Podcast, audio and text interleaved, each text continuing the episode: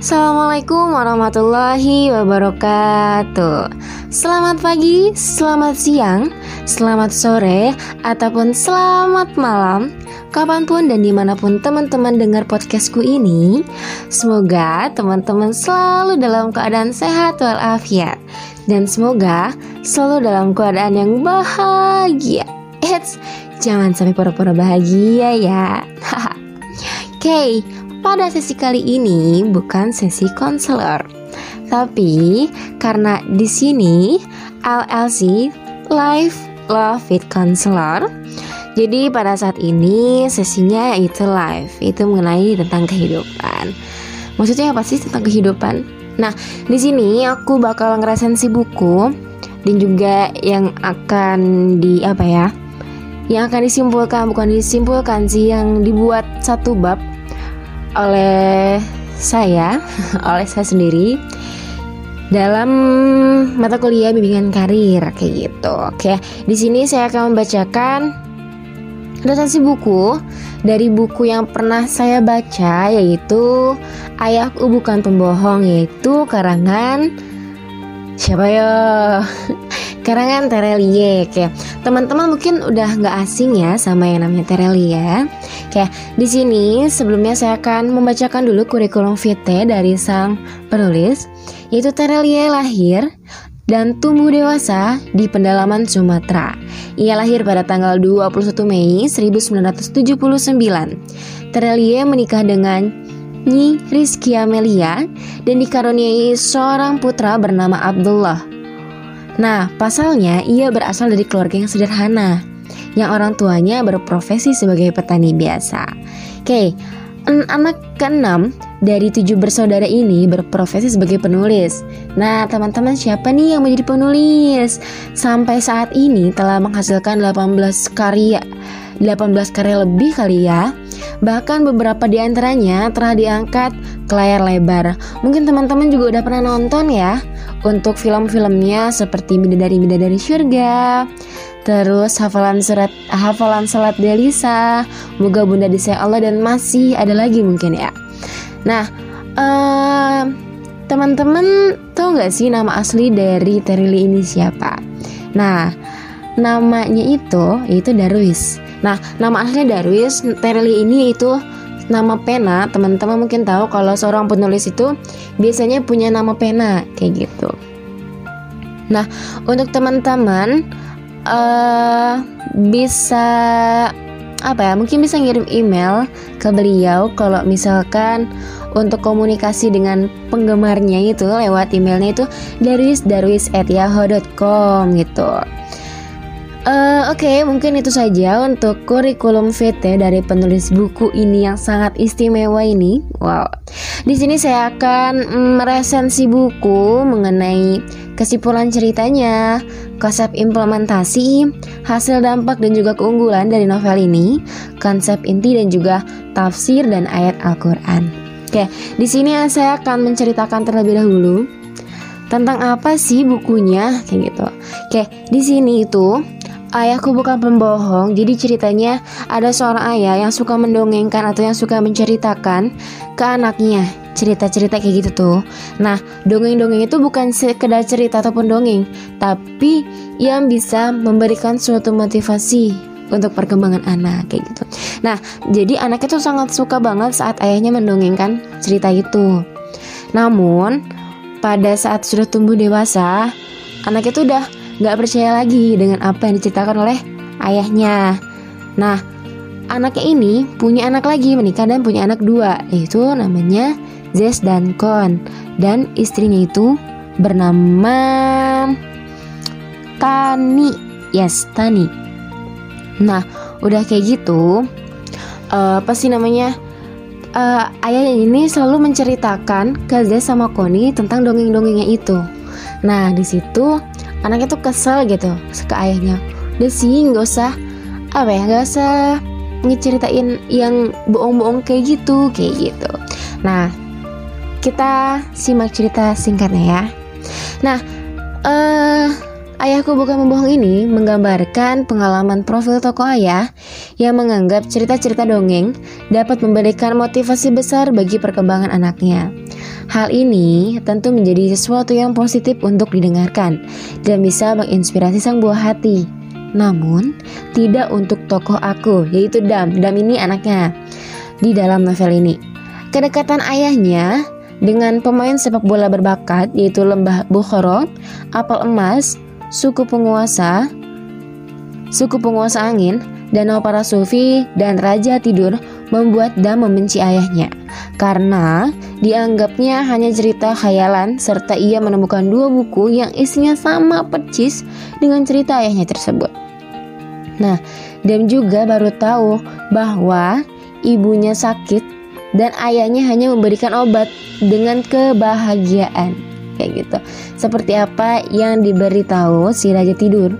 Mulai dari situlah Dam nggak pernah percaya lagi sama apa yang semua diceritain oleh ayahnya itu. Dan selalu risih ketika ayahnya juga menceritakan hal yang sama kepada kedua anaknya, tadi Jess dan Kon. Dan juga istri dari Dam tersebut, Tani. Hal ini bisa dibuktikan dengan bagaimana cara kesal Dam terhadap ayahnya. Nah, sebelumnya juga pada saat Dam masih terbilang anak-anak, ia percaya bahwa semua cerita ayahnya itu benar-benar beliau pernah lakuin gitu. Kepercayaan anak terhadap apa pun yang didengarnya tentu bisa selalu diingat sampai kapan pun. Dan Dam terus menagih cerita-cerita ayahnya itu yang menyenangkan. Nah, Dam juga digambarkan sebagai seorang anak yang baik dan juga pemberani karena terinspirasi dari cerita ayahnya itu. Nah, salah satu cerita ayahnya yaitu seorang kapten sepak bola yang pantang menyerah sekalipun dengan keminimalisirkan tenaga yang dimiliki membentuk diri dan sebagai anak yang tidak mudah menyerah. Jadi itu ada itunya ya, maksudnya ada motivasi lah gitu. Jadi Damni itu jadi nggak mudah menyerah, jadi pantang menyerah gitu. Jadi selalu berusaha gitu.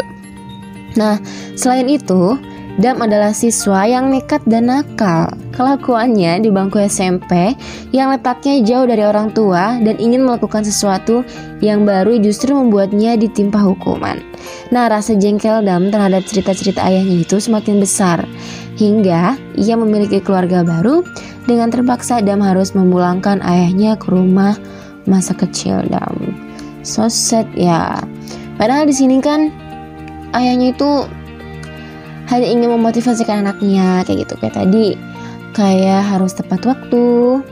Terus kayak hmm, apa ya jadi orang tuh harus kerja keras kayak gitu. Jangan pantang menyerah kayak gitu.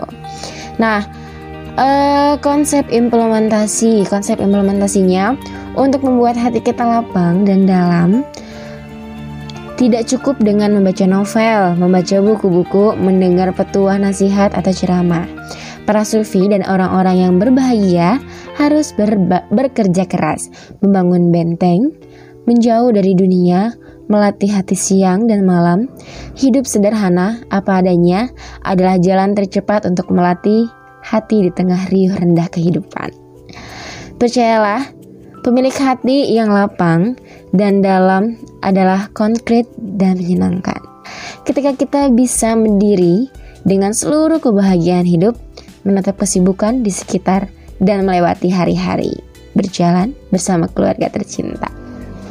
Nah, untuk hasil dampak atau keunggulan dari novel ini, itu kesimpulannya novel Ayahku Bukan Membohong adalah novel pembangun motivasi dan spiritual yang banyak mengandung unsur dari pengalaman hidup orang tua. Karena tema novel yang diangkat dalam novel ini adalah tentang motivasi dan tentang kehidupan, bahwa mencari kebahagiaan dalam hidup itu sederhana ya sederhana seperti membahagiakanku itu hal yang sederhana mungkin ya Nah, novel ini banyak sekali manfaatnya karena banyak sekali nilai positif yang tertera dalam ceritanya. Nah, untuk kelemahan dalam novel ini, bagi saya mungkin ya, bagi sang pembaca membuat pembaca agak sulit mengetahui alur cerita karena seringnya menceritakan pengalaman dan juga alurnya itu maju mundur maju mundur cantik gitu ya. Nah, untuk konsep inti. Nah, di sini ada beberapa nilai yaitu nilai moral dan juga nilai nilai sosial. Nah, nilai moral itu adalah mentaati peraturan. Nah, di sini uh, di situ ada di halaman 109 dengan catatan seperti ini. Kita sudah bersepakat setengah jam sudah lewat saat tidur. Kalau tidak akan melanggar kesepakatan kita bukan? Atau tidak akan ada lagi orang yang menghormati janji kalian. Jadi ini tentang waktu, gimana caranya kita hmm, memanfaatkan waktu sebaik mungkin kayak gitu. Yang kedua itu nilai sosial. Teman lama datang berkunjung. Itulah si nomor 10. Ia berlari-lari kecil mendekat. Telunjuknya menunjuk-nunjuk padaku. Namun, menggelengkan kepala, di belakang nomor 10 juga tersenyum ramah idola masih kecil kusang kapten. Itu halaman 296. Nah, selanjutnya, pemimpin harus peduli kepada anggotanya. Yes, betul sekali. Wade memeriksa kelengkapan anggota ini pada halaman 222. Di situ ada Wade memeriksakan kelengkapan anggota kelompok, memastikan tidak ada yang tertinggal atau terluka, mencatat hasil masing-masing. Nah, pengetahuan tentang akhlak dalam kehidupan tujuan lain dari mempelajari akhlak dan mendorong kita adalah mendorong kita. Untuk tafsir dan juga konsep Al-Quran diambil dari surat Al-Baqarah ayat 216. A'udzu billahi minasyaitonir rajim. Bismillahirrahmanirrahim. Kutiba 'alaikumul qitalu wa huwa kurhul lakum wa 'asa an takrahu syai'aw wa huwa khairul lakum wa 'asa an tuhibbu syai'aw wa huwa syarrul lakum. Wallahu ya'lamu wa antum la ta'lamun. Diwajibkan atas kamu berperang, padahal berperang itu adalah sesuatu yang kamu benci. Boleh jadi kamu membenci sesuatu padahal ia amat baik bagimu. Dan boleh jadi pula kamu menyukai sesuatu, padahal ia amat buruk bagimu. Allah mengetahui, sedangkan kamu tidak mengetahui. Nah, mungkin itu semua resensi dari buku Ayahku Bukan Pembohong, yaitu dari Terelie.